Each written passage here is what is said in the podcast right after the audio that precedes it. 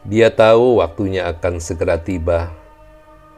Semua harta yang dimilikinya akan ditinggalkannya.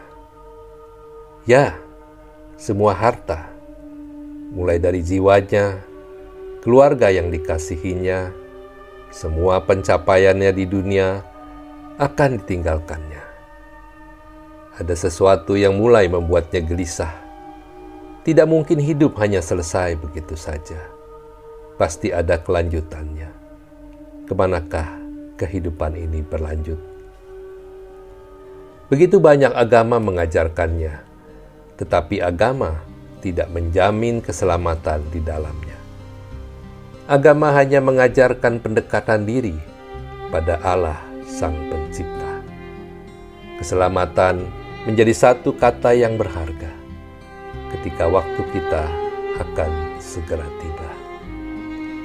Ketika pengembaraan kita di dunia akan selesai, maka keselamatan jiwa menjadi hal utama yang kita butuhkan. Di manakah keselamatan? Adakah keselamatan? Berapakah nilai keselamatan? Siapakah sang keselamatan itu? Agamakah Cukupkah ibadah menyelamatkanku? Cukupkah amal baikku menyelamatkanku? Cukupkah ulas kasihku menyelamatkanku? Ah, masih ada sesuatu yang mengganjal, yang belum menjamin keselamatanku. Lalu, selesai demikiankah kehidupanku? Tidak, pasti ada jalan keselamatan bagi Tiba-tiba aku teringat akan kalimat ini. Akulah jalan, kebenaran, dan kehidupan. Tidak ada seorang pun yang datang kepada Bapa kalau tidak melalui aku. Diakah jalan keselamatan?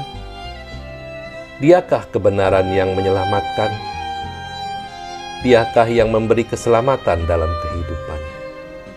Aku harus menemukan dan mendapatkannya. Aku mau pulang dengan jaminan keselamatan. Aku mencari di semua kitab keagamaan.